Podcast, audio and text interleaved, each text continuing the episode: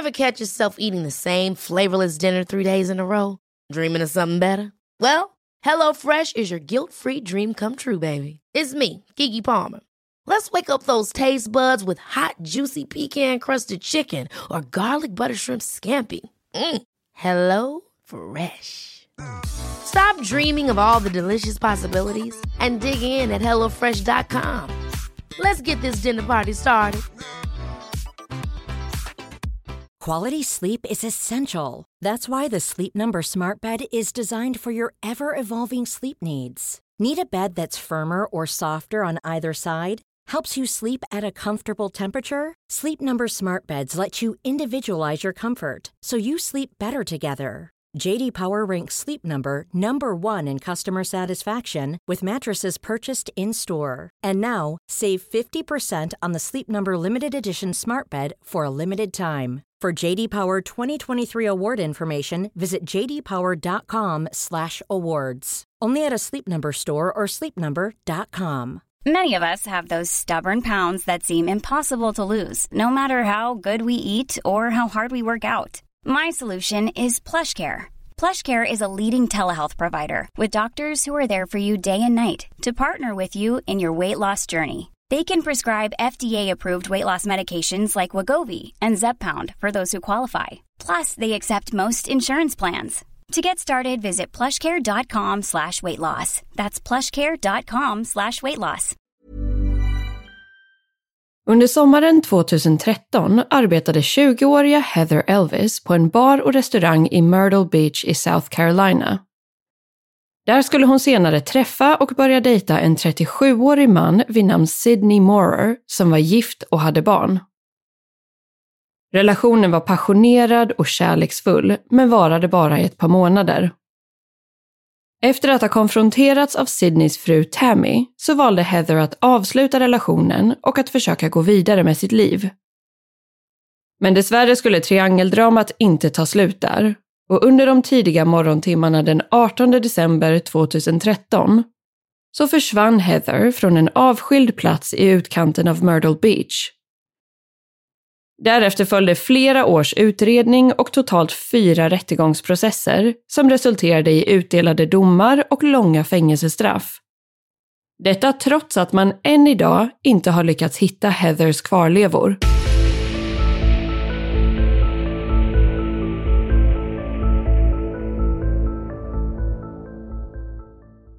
Hej på er! Annie här och varmt välkomna ska ni vara till en ny vecka och till säsongens allra sista avsnitt av Rysapodden. Och just det här avsnittet släpps ju faktiskt på juldagen, så jag hoppas verkligen att ni alla haft en lugn, trygg och fin jul, oavsett hur ni har firat eller inte firat. Och idag ska vi ta och gå igenom ett fall som utspelade sig i december månad 2013, så ganska exakt tio år sedan. Hade avsnittet släppts förra veckan istället så hade det till och med varit på dagen tio år sedan. Men det jag pratar om är alltså det omtalade försvinnandet av 20-åriga Heather Elvis. Och just det här fallet fick vi in som ett tips av vår härliga lyssnare Celia. Så stort tack till dig Celia för att du tog dig tid att höra av dig till oss med det här tipset. Och det är ett relativt långt avsnitt som vi har framför oss den här veckan, så jag tycker att vi tar och kör igång direkt här.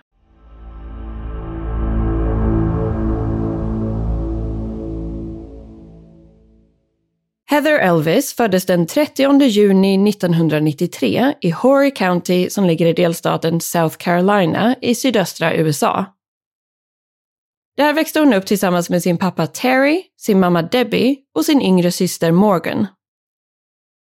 Enligt personer i Heathers närhet så ska hon ända sedan hon var liten ha haft en väldigt färgstark personlighet. Hon både hördes och syntes mycket och folk uppskattade verkligen att vara i hennes närhet. Heather älskade att skoja och ha kul och drog sig inte för att säga vad hon tyckte och tänkte i olika typer av situationer. Hon var frisinnad, självständig och brydde sig inte särskilt mycket om vad andra tyckte. Heather har också beskrivits som väldigt ambitiös och att hon hade ett stort driv för att uppnå det hon ville i livet. Hon hade bland annat ett stort intresse för smink och styling och drömde därför om att en dag kunna jobba som makeupartist även om hon också tyckte om att själv vara den som stod framför kameran. Heather tog examen från St. James High School år 2011 och flyttade därefter hemifrån när hon var runt 18 eller 19 år gammal. Trots att hennes största dröm var att jobba som makeupartist så var hon ju fortfarande tvungen att betala både hyra och räkningar och skaffade sig därför ett jobb som servitris. Mer exakt var detta på en pub och restaurang som heter The Tilted Kilt och som ligger i staden Myrtle Beach i South Carolina. Det här är en stad som egentligen inte har särskilt hög befolkning, men som lockar till sig drygt 20 miljoner turister varje år. Myrtle Beach ligger nämligen beläget i mitten av en 97 kilometer lång strand och erbjuder mängder av restauranger, golfbanor och andra attraktioner för turister att ta del av. Framförallt är det också många som väljer att besöka området kring Myrtle Beach på grund av det varma och behagliga klimatet där. Så det var alltså i det här området som Heather bodde och jobbade. Och den restaurangen och puben där hon var anställd, det vill säga Tilted Kilt, är en del av en större kedja. Och man skulle nog kunna säga att det här stället är väldigt likt den kända restaurangkedjan Hooters, men att Tilted Kilt har ett lite skotskt tema istället. Det är framförallt unga kvinnliga servitriser som arbetar där och på den tiden som Heather var anställd där så brukade de alltid vara klädda i små skottskrutiga kiltliknande kjolar. En kort vit liten topp knuten över en skottskrutig push-up-bh och höga vita knästrumpor.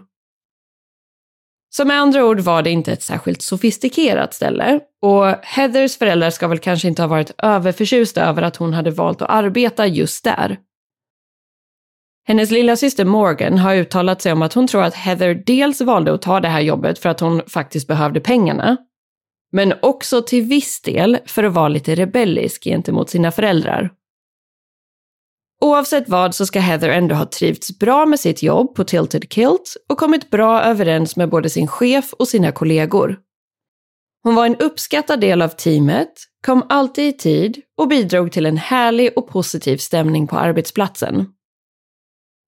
Hon delade dessutom lägenhet med en av sina bästa vänner som också jobbade på samma ställe. En tjej som heter Brianna Coltzer. Och tidsmässigt så har vi nu kommit fram till början av juni månad år 2013 och Heather var då 20 år gammal.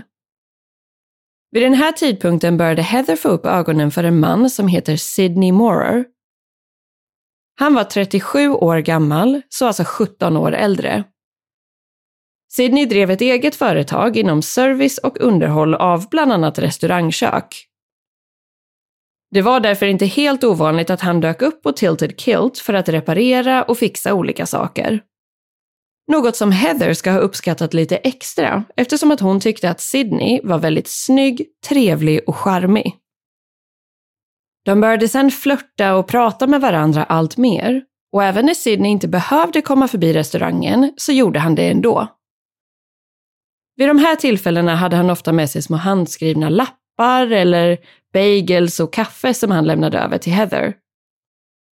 Hon ska ha känt sig väldigt smickrad över det här beteendet och Sydney fick henne att känna sig både utvald och speciell. Men det skulle dock visa sig att Heather inte var den enda kvinnan som uppvaktades av Sydney. Han var nämligen gift med en 40-årig kvinna vid namn Tammy Moorer Paret hade varit gifta i hela 15 år och hade dessutom tre barn tillsammans som var runt 7, 11 och 14 år gamla. Sydney och Tammy gifte sig alltså redan år 1998 och Heather var då tre år gammal. Men faktumet att Sydney var gift, hade barn och att det fanns en åldersskillnad på 17 år ska inte ha varit ett hinder för varken honom eller Heather. Deras flörtiga beteende eskalerade allt mer och var inte särskilt diskret heller. Heather var ju också en typ av person som gärna delade med sig av sina tankar och åsikter och det här gjorde hon bland annat genom sociala medier. Hon började därför dela sina tankar om Sydney på sitt Twitterkonto och hon höll verkligen inte tillbaka på några detaljer. Och jag kommer inte att gå in på exakt vilka ord hon använde, men Heather ska bland annat ha beskrivit att killen som fixar grejer på hennes jobb får henne att känna diverse sexuella saker. Att hon har en grej för äldre män och att hon en vacker dag kommer dra in honom i städskrubben och göra både det ena och det andra. De här inläggen delade Heather på Twitter i juni och början av juli 2013. Runt mitten av juli delade hon ett annat inlägg där hon skrev följande. Baby did a bad thing. I'm in way too deep, but watch me get deeper. Och troligtvis var det vid den här tidpunkten som Heather och Sydney började ha en mer fysisk relation med varandra och att hon syftade på att han var gift och att det var därför det var så pass fel. Men relationen mellan Sydney och Heather var som sagt ingen väl bevarad hemlighet och i princip alla hennes vänner, kollegor och till och med hennes chef var fullt medvetna om vad som pågick. Många var övertygade om att den här relationen bara handlade om sex, men Heather ska bland annat ha sagt till sin kompis och rumskamrat Brianna och sin syster Morgan att hon var kär i Sydney och att hon kunde se en framtid tillsammans med honom. De flesta i hennes närhet ska dock inte ha tyckt att det var en särskilt bra idé att fortsätta utforska en relation med en 17 år äldre man som dessutom var gift och hade barn.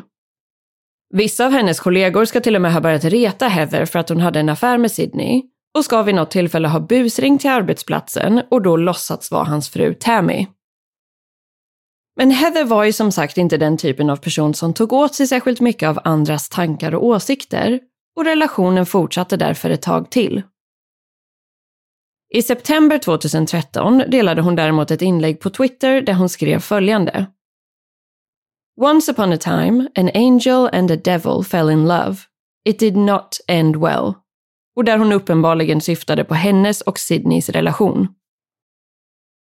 Och det här skulle hon verkligen ha rätt i, för kort efter detta så fick Tammy till slut reda på vad som pågick och att hennes man under flera månader hade varit otrogen mot henne med en kvinna som var hälften så gammal som hon själv var. Det här var inte heller Sydneys första otrohetsaffär och han ska ha varit otrogen mot Tammy med en annan kvinna tidigare under 2013. Så även om Tammy var en av de sista personerna som fick reda på vad som pågick, så ska hon redan ha varit ganska misstänksam gentemot Sydney utifrån hans tidigare historik. Och när Tammy väl fick reda på sanningen så ska hon ha blivit extremt arg, både på sin make, men också på Heather. Det här ska ha varit någon gång under oktober månad 2013 och efter att hon fick reda på vad som pågick så började Tammy själv att kontakta Heather både via telefonsamtal och sms. Till en början ska hon ha sagt saker som att hon visste om att Heather och Sydney träffade varandra och att relationen behövde upphöra. Därefter blev det mer och mer intensivt och hotfullt och Tammy ska ibland ha ringt Heather upp till 40 gånger på en och samma dag. För att markera sitt revir valde Tammy också att skicka över flera bilder till Heather på när Tammy och Sydney hade sex. Hon tvingade även Sydney att delta i ett av samtalen där han fick förklara för Heather att hon inte betyder något alls för honom och att hon bara var en tjej som var villig att sära på benen. Något som sårade Heather otroligt mycket eftersom att hon hade utvecklat känslor för Sydney och ska ha haft en liten förhoppning om att han kanske skulle lämna Tammy en vacker dag så att de kunde starta upp en relation på riktigt. Men Tammy fortsatte sen att trakassera Heather och att skicka hotfulla sms. Heather ska ha haft lite blandade känslor inför detta och hon valde ofta att inte backa tillbaka och att istället bemöta Tammys ord med minst lika mycket ilska och en viss retsamhet i tonen. Vid ett tillfälle skrev hon till exempel “Varför skickar du sms till mig när du istället borde oroa dig över vad din man håller på med?” Tammy skickade också ett sms där hon skrev “Hej sötnos, redo att träffa frugan?” Och Heather ska då ha svarat genom att säga jag tror att du är lite besatt av mig. Du behöver inte oroa dig för mig längre. Men samtidigt som Heather verkade ganska kaxig och självsäker i sina sms så har folk i hennes omgivning vittnat om att hon var livrädd för Tammy och att hon tyckte att all den här kontakten var extremt obehaglig. Framförallt då den fortsatte även efter att Heather och Sydney valde att helt och hållet avsluta sin relation i början av november 2013. Tammy ringde också till Heathers arbetsplats, Tilted Kilt, flera gånger för att trakassera henne och för att försöka se till att hon blev av med jobbet. Hon vidtog även flera intressanta åtgärder för att kontrollera Sydney och förhindra att han skulle kunna vara otrogen igen. Tammy själv har förnekat många av de här sakerna, men enligt uppgift så ska hon bland annat ha tvingat Sydney att tatuera hennes namn över nedre delen av magen och låst fast honom med handfängsel i sängen om nätterna så att han inte skulle kunna smyga iväg. Tammy ska dessutom ha tagit ifrån Sydney hans mobiltelefon och bytt lösenord på den till en kombination som bara hon kände till. Detta för att han då skulle behöva be henne om lov för att kunna använda sin egen telefon. Tammy skickade även ett sms till Heather där hon skrev att Sydney inte längre hade någon telefon. Till slut började kontakten mellan alla tre parter, Sydney, Tammy och Heather, sakta men säkert dö ut och det verkade som att alla nu försökte gå vidare med livet. Sydney och Tammy valde att köpa sig en sprillans ny svart pickupbil av märket Ford och körde därefter hela vägen till Kalifornien för en tre veckor lång familjesemester. De besökte bland annat Disneyland tillsammans och det här var väl kanske ett sista desperat försök till att lappa ihop relationen och äktenskapet igen. De reste iväg runt den 19 november och kom sen tillbaka till Myrtle Beach igen runt den 11 december. Under tiden som paret Moorer var bortresta så hade även Heather försökt gå vidare med sitt liv och sin vardag. Enligt personer i hennes närhet så ska hon dock ha varit oerhört ledsen och sårad över allt som hänt. Men försökte sitt bästa för att blicka framåt och hon hade bland annat lyckats få ett till jobb på en skönhetssalong i Myrtle Beach. Julen började sedan närma sig med stormsteg och Heathers rumskamrat Brianna reste därför iväg till Florida för att hälsa på sin släkt där. Under tiden hon var borta så höll vännerna kontakten och berättade om allt som pågick i deras liv. Heather ska bland annat ha berättat för Brianna att hon under kvällen den 17 december skulle gå på en dejt med en kille som hette Steven Giraldi. De ska ha gått i skolan tillsammans tidigare och han hade nyligen bjudit ut henne. Och med tanke på att Heather försökte gå vidare från relationen med Sydney så tackade hon glatt ja till erbjudandet. Så under tisdagskvällen den 17 december så plockade Steven upp Heather och det här ska ha varit ungefär runt sjutiden. Därefter gick de ut och åt middag och åkte sedan runt i bilen ett tag för att kolla på alla lampor och juldekorationer som hade satts upp i området. De stannade sen till vid en parkering utanför ett köpcentrum där Steven försökte lära Heather att köra hans bil som hade en manuell växellåda. Något som inte är supervanligt i USA eftersom att de flesta personer bara har körkort för automatbilar. I det här ögonblicket så tog Steven en bild på Heather när hon sitter i förarsätet och använder växelspaken. Hon ser väldigt glad och nöjd ut och Heather skickade sedan vidare bilden både till rumskompisen Brianna och till sin pappa Terry. Och Terry har i efterhand uttalat sig om att han kände sig otroligt stolt över Heather när han såg bilden eftersom att han alltid hade velat lära sin dotter att köra bil med manuell växellåda men att det helt enkelt inte hade blivit av.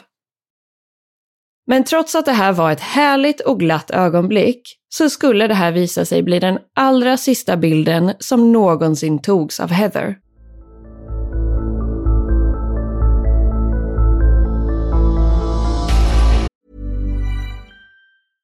Ryan Reynolds här från Mint Mobile. Med priset på nästan allt som går upp under inflationen trodde vi att vi skulle bring våra priser down. So to help us, we brought in a reverse auctioneer, which is apparently a thing.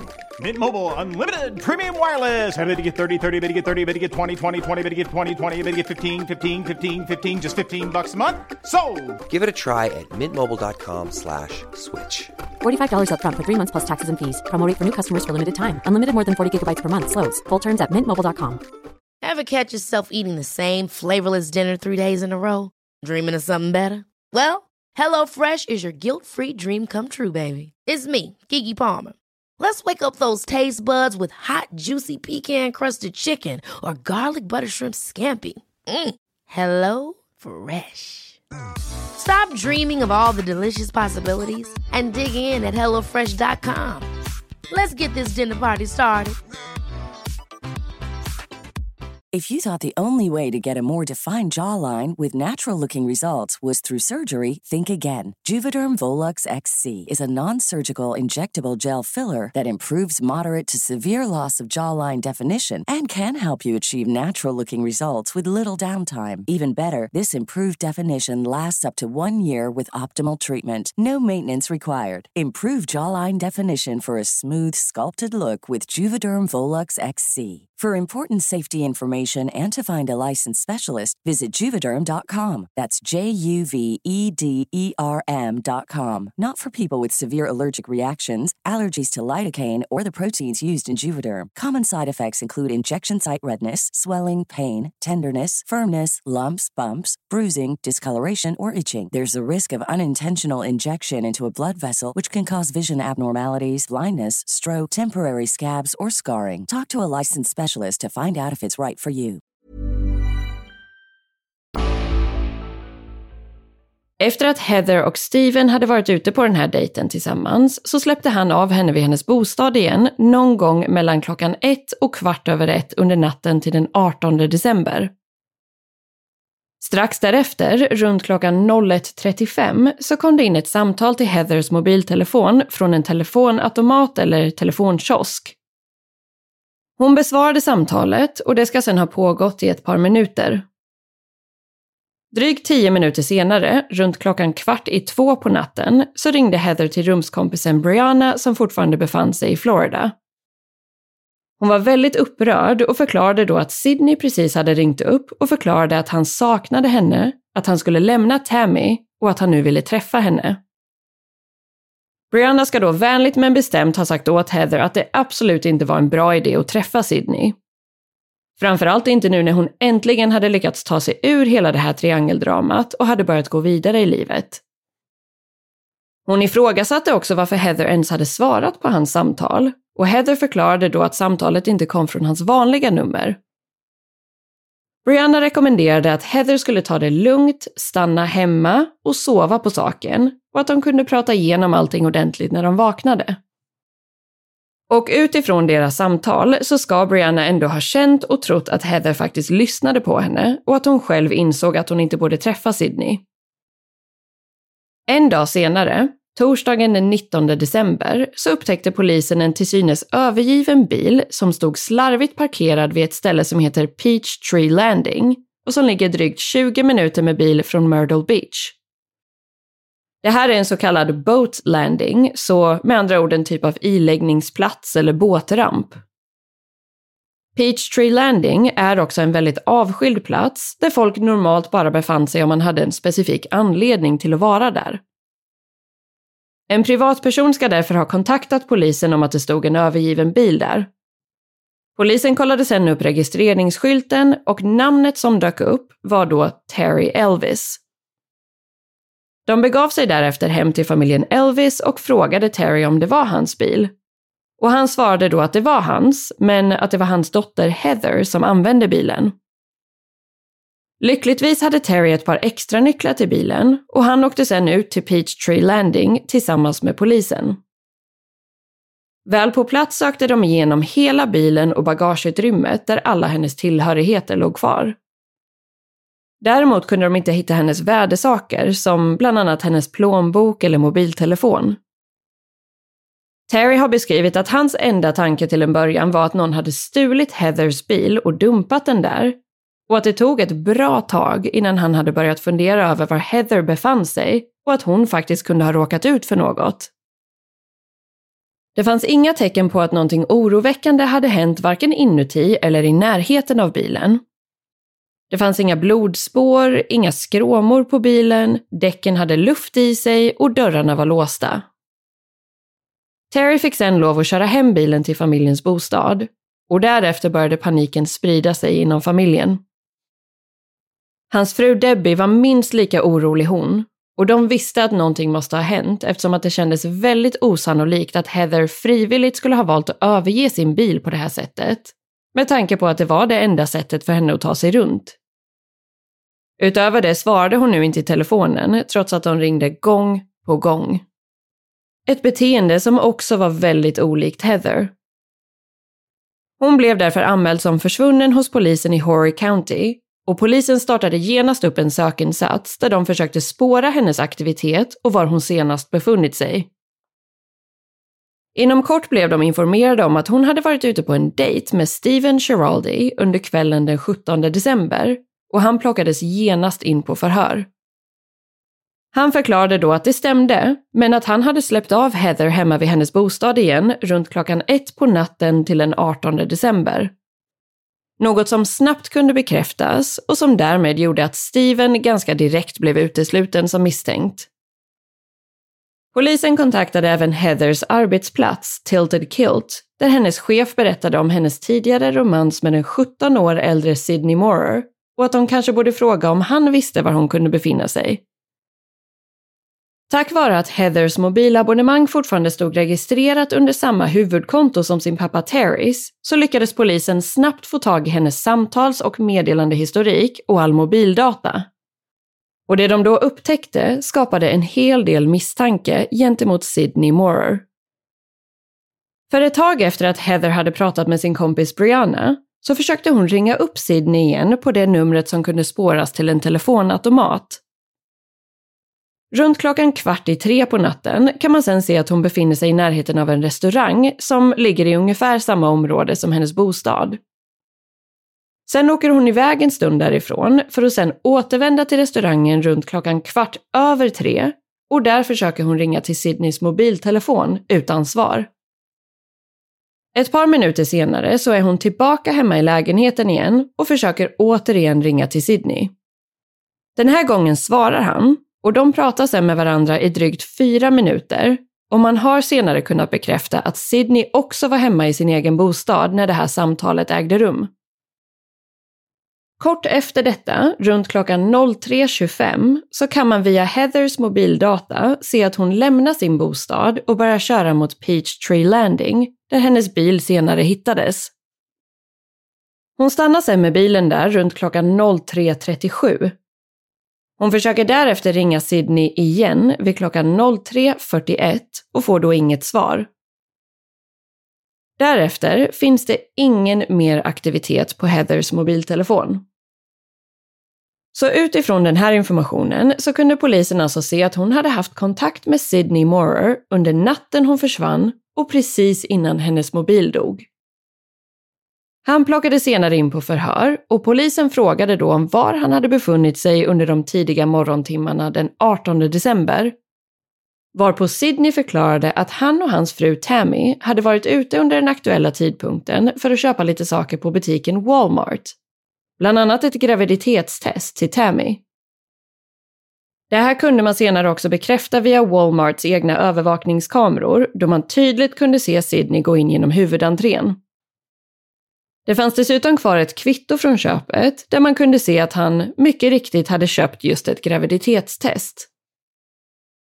Men under Sydneys förhör med polisen så fick han frågan om han möjligtvis hade ringt till Heather Elvis från en telefonautomat runt klockan halv två på natten den 18 december. Han ska då ha nekat till detta och sagt att han inte trodde att telefonautomater ens existerade längre. Vid ett senare tillfälle så förklarade utredare att de hade bilder från en övervakningskamera vid just den telefonautomaten som hade ringt till Heather och att man kunde se Sydney använda telefonen vid exakt samma tidpunkt som samtalet kom in till Heathers mobiltelefon.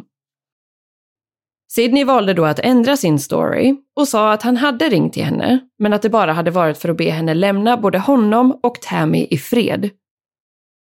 Det intressanta är dock att enligt Heathers samtalshistorik så hade inte hon kontaktat honom på väldigt länge innan det här tillfället. Något som också backats upp av hennes kompis Brianna, hon berättade nämligen för polisen om att Heather hade ringt till henne kort efter samtalet från Sydney och att hon då hade varit väldigt chockad och upprörd över att han hade hört av sig. Hon förklarade också att budskapet då inte alls hade varit att Heather skulle lämna honom i fred, utan snarare raka motsatsen. Att han hade lämnat Tammy, att han saknade Heather och att han nu ville träffas. Framförallt känns det ju också lite märkligt att Sidney skulle ha valt att ringa Heather från en telefonautomat när han trots allt hade en mobiltelefon. Speciellt när samtalet skedde mitt i natten. Det här var dock inte det enda som pekade på att Sydney och Tammy eventuellt visste mer om Heathers försvinnande än de ville berätta. För polisen lyckades också få tag i en videoinspelning från en övervakningskamera som satt utanför en privatägd bostad som ligger på precis den vägsträckan som går mellan Sydney och Tammys bostad och Peachtree Landing. Det vill säga platsen där Heather senast befann sig innan hennes telefon dog och där hennes bil senare hittades övergiven. Bilderna är ganska suddiga eftersom att det var väldigt mörkt vid den här tidpunkten men det går i alla fall att se att en svart pickupbil av märket Ford kör förbi kameran på väg ut till Peachtree Landing runt klockan 03.36 på morgonen den 18 december. Och utifrån informationen från Heathers mobiltelefon så kunde man ju se att hon stannade med bilen vid Peachtree Landing bara någon minut efter det, runt klockan 03.37. Därefter försökte hon ju ringa upp Sydney igen utan svar och efter klockan 03.41, 03.42 ungefär, så finns det ingen mer aktivitet från hennes telefon. Några minuter efter detta, runt klockan 03.45, så ser man samma svarta Ford köra förbi övervakningskameran igen, från Peachtree Landing och i riktning tillbaka mot Sydney och Tammys bostad. Trots att bilderna är av relativt dålig kvalitet och man inte kan se vem som kör bilen, så har experter lyckats analysera materialet tillräckligt för att med säkerhet kunna bekräfta att den svarta Forden matchade exakt med just den bilen som Sydney och Tammy köpte strax innan sin roadtrip till Kalifornien. Däremot är det såklart desto svårare att veta exakt vad det var som hände ute vid Peachtree Landing under just de här få avgörande minuterna. Polisens utredning av Sydney och Tammy Moorer fortsatte och i februari 2014 genomfördes en husrannsakan av deras bostad. Man upptäckte då ett avancerat övervakningssystem och tänkte till en början att det här kanske kunde hjälpa till i utredningen. Sydney förklarade då att de ganska nyligen hade installerat det här nya systemet och att det därför tyvärr inte skulle finnas något material från just natten mellan den 17 och 18 december året innan. Så det var ju såklart väldigt oturligt. Eller väldigt strategiskt. Utredare upptäckte dock en annan intressant sak när de sökte igenom parets pickupbil, det vill säga den svarta Forden. Det här var ju en helt ny och på den tiden ganska tekniskt avancerad bil och det fanns därför ett GPS-spårningssystem som man kunde inaktivera genom att trycka ut ett simkort. När man gör detta så kommer det upp flera varningsmeddelanden som är omöjliga att ignorera. Så med andra ord är det ingenting som man kan råka inaktivera av misstag eftersom att man också måste lyfta ur själva simkortet. Och en intressant detalj som polisen senare kunde bekräfta var då att GPS-spårningssystemet i Sydney och Tammys bil verkade ha inaktiverats just under den natten då Heather försvann. Samma natt som övervakningskamerorna utanför den privatägda bostaden fångade deras Ford på bild på väg ut till Peachtree Landing och kort därefter tillbaka hemåt igen. Till slut ansåg man att det fanns tillräckligt med bevis för att ta saken vidare. Och i slutet av februari 2014 så gick polisen ut offentligt med information om att Sydney och Tammy Moorer nu hade blivit åtalade för att ha kidnappat och mördat Heather Elvis. De spenderade sedan nästan ett år i fängelse i väntan på rättegång, men blev till slut frisläppta mot borgen i början av 2015. Till följd av bristande bevisföring så valde man till slut att lägga ner åtalet för mord och att endast gå vidare med åtalet för kidnappning och de fick lov att vara på fri fot i väntan på rättegång. Det beslutades också att Sydney och Tammy skulle genomgå separata rättegångsprocesser under sommaren 2016 påbörjades Sydneys rättegång där han alltså stod åtalad för kidnappningen av Heather Elvis. Under den här rättegången kom det fram en teori om att Heather skulle ha varit gravid och att det var därför både Sydney och Tammy var väldigt måna om att se till att både hon och den påstådda graviditeten försvann. Detta byggdes på tidslinjen om att paret först stannade till vid Walmart för att köpa ett graviditetstest, vilket man ju har kunnat bevisa. Därefter åkte de vidare till telefonautomaten där Sydney ringde till Heather och lockade ut henne från bostaden genom att säga att han skulle lämna Tammy och ville träffas. Både Sydney och Tammy har dock alltid stått fast vid att det här graviditetstestet var till henne eftersom att de försökte få ett till barn. Men det finns vissa saker som tyder på att det här eventuellt stämde. Heathers chef på The Tilted Kilt vittnade nämligen om att hon en kort tid innan försvinnandet gick upp flera storlekar i sin arbetskostym. Och viktuppgång i sig kan ju såklart bero på hundra olika anledningar, men hon ska framförallt ha bett om en större bh-storlek vid två olika tillfällen. Något som definitivt skulle kunna vara ett tecken på att Heather faktiskt var gravid. Hennes chef ska dessutom ha berättat att Heather hade gjort ett graviditetstest, men att det hade blivit något tekniskt fel och att det därför inte gick att avläsa. Så det finns en del som pekar på att den här teorin stämmer, men samtidigt inga konkreta bevis som till 100% kan styrka att så var fallet. Framåt slutet av rättegången, när det var dags för juryn att besluta sig för om Sydney var skyldig eller inte, så kunde de inte enas. Majoriteten av juryn ansåg att han var skyldig till att ha kidnappat Heather, men ett fåtal personer lät sig inte övertygas. På grund av att juryn inte kunde enas om ett beslut så valde man därför att ogiltigförklara hela rättegången och att boka in en ny rättegång gällande åtalet för kidnappning längre fram istället. Året efter, i augusti 2017, så åtalades och dömdes han däremot istället för obstruction of justice, vilket jag i alla fall inte tror är ett brott här hemma i Sverige, men som ungefär skulle kunna översättas till hindrande av rättvisa eller försök att förhindra rättvisa. Och det här handlade alltså om att Sydney till en början ljög för polisen om att inte ha använt telefonautomaten för att ringa till Heather under natten då hon försvann. Sydney dömdes därför till tio år i fängelse för det här brottet, något som gav en viss tröst till Heathers familj och anhöriga, även om det inte ens var i närheten av det resultat som de egentligen önskade. Året efter detta, under hösten 2018, så nästan fem år efter att Heather försvann, så hade det äntligen blivit dags för Tammys rättegång. Hon valde då till mångas förvåning att själv ställa upp och vittna i ett försök att försvara sig. Hon utgav sig då för att vara väldigt oskyldig och att hon inte alls var arg på Heather Elvis över otrohetsaffären, utan främst på sin make Sidney. Något som inte rimmade särskilt väl med hennes hotfulla sms och otaliga telefonsamtal till Heather. Vid det här laget hade åklagarsidan dessutom lagt ännu mer tid på att analysera samtliga parters mobildata och kunde då bevisa att Tammy och Sydney i princip hade förföljt Heather under en längre period innan försvinnandet och att detta fortsatte långt efter att Sydney och Heather hade avslutat sin relation.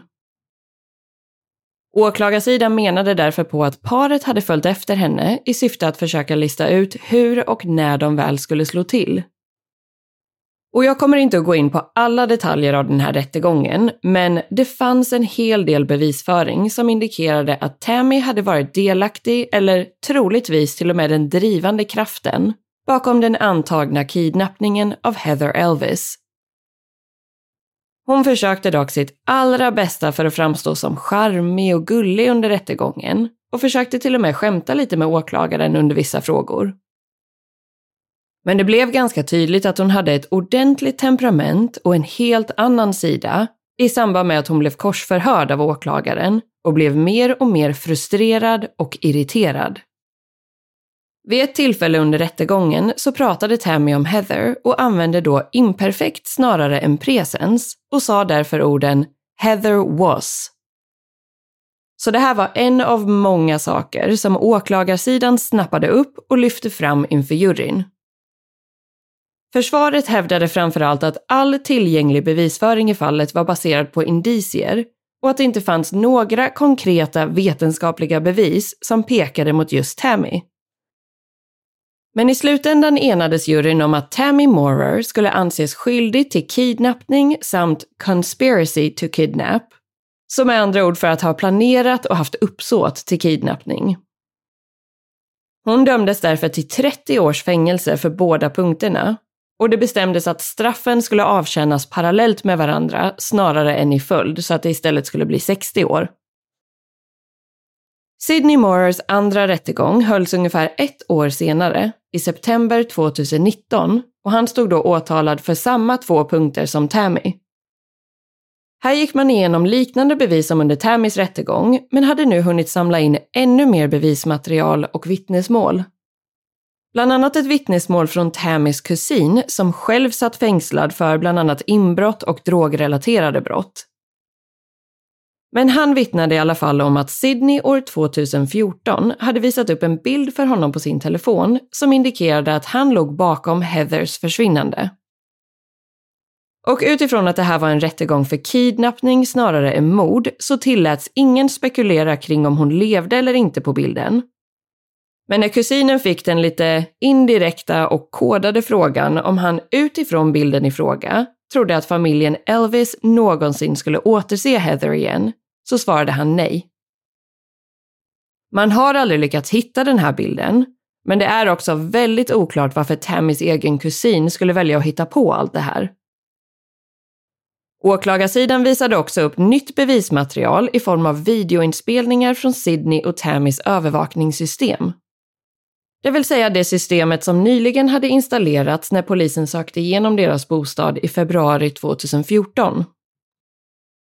Domaren vid Sydneys första rättegång 2016 ska nämligen ha sagt nej till att använda materialet men vid närmare granskning hade man nu lyckats notera vissa saker som gjorde att materialet helt plötsligt ansågs mer relevant i fallet.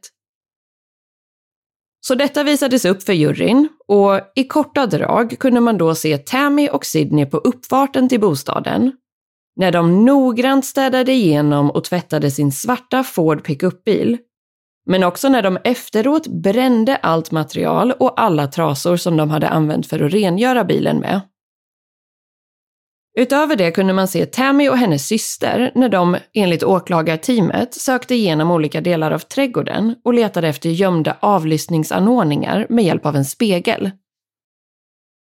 Även Sydneys försvar hävdade att allting grundades på indicier och att det inte fanns tillräckligt mycket bevis för att man utan någon som helst tvekan, eller reasonable doubt, skulle kunna säga att varken Sydney eller Tammy hade kidnappat Heather Juryn höll dock inte med om det här och till slut dömdes även Sidney Morer för kidnappning och uppsåt till kidnappning och till två gånger 30 års fängelse som skulle avtjänas samtidigt. Utöver det hade han fortfarande några år kvar på sin tidigare dom på 10 år för hindrande av rättvisa. Både Sidney och Tammy hävdar än idag att de är oskyldiga och att de inte hade någonting att göra med Heathers försvinnande. De kommer också ges möjlighet att överklaga sin dom längre fram och kan då eventuellt bli frisläppta tidigare. Vissa personer, bland annat den ansvariga åklagaren, tror att om det inte går vägen med överklagan så är det bara en tidsfråga innan någon av dem väljer att berätta hela sanningen om vad som hände i utbyte mot ett kortare straff. Nu har ju ganska exakt tio år passerat sedan dagen då Heather försvann och man har fortfarande inte hittat hennes kropp eller några som helst spår av att hon skulle vara vid liv. Under de senaste åren har familjen Elvis den 18 december anordnat en minnesceremoni för Heather vid Peachtree Landing.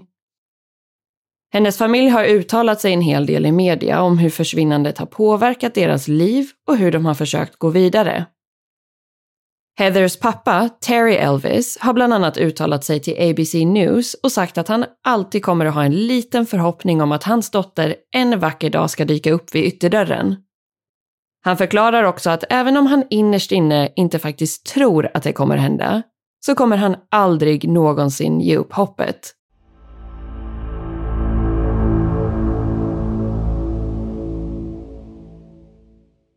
Mm, det här är ju lite av ett fall där man på ett sätt anses ha fått ett svar kring vad som har hänt, men att man samtidigt också lämnas med tusen obesvarade frågor. Och man måste ju givetvis hålla med om att det inte verkar ha funnits särskilt mycket konkret och vetenskaplig bevisföring i fallet. För det finns ju fortfarande ingen kropp och inget blod, DNA, inga fingeravtryck eller något mordvapen. Däremot känns det ju som att det omöjligt skulle kunnat vara någon annan som låg bakom Heathers försvinnande. Och de har ju trots allt blivit dömda. Och det är nog egentligen bara extremt tur för både Sydney och Tammy att de inte kunde åtalas eller dömas för mord. Men för Heathers familjs skull så får man ju verkligen hoppas att man någon gång kommer få ta del av den fullständiga sanningen om vad som hände. Och var hennes kropp tog vägen eller var den ligger begravd någonstans. För ingenting kommer ju tyvärr kunna ge henne livet tillbaka, men någon form av avslut och förklaring är ju det minsta som den här stackars familjen förtjänar. Men jag hoppas i alla fall att ni har tyckt att det här har varit ett intressant fall att ta del av, för nu är det ju faktiskt slut på säsong 9. Så nu blir det tråkigt nog lite uppehåll av podden tills dess att vi släpper säsong 10. Och vi kommer givetvis hålla er uppdaterade om status och timings för detta, både här i poddflödet och på våra sociala medier. Så vi vill verkligen passa på att tacka för att ni har hängt med oss under ännu en säsong och för att ni har skickat in massa fina ord om vårt arbete med podden och en himla massa bra tips om olika fall och ämnen som ni önskar att vi ska ta upp. Och om ni skulle vilja ge oss en liten försenad julklapp så får ni hemskt gärna lämna ett trevligt litet betyg och eller en recension i den appen där ni lyssnar på poddar. Men med det sagt så önskar vi er alla ett riktigt gott nytt år och tusen tack för att just du har valt att lyssna på den här säsongen av Rysapodden.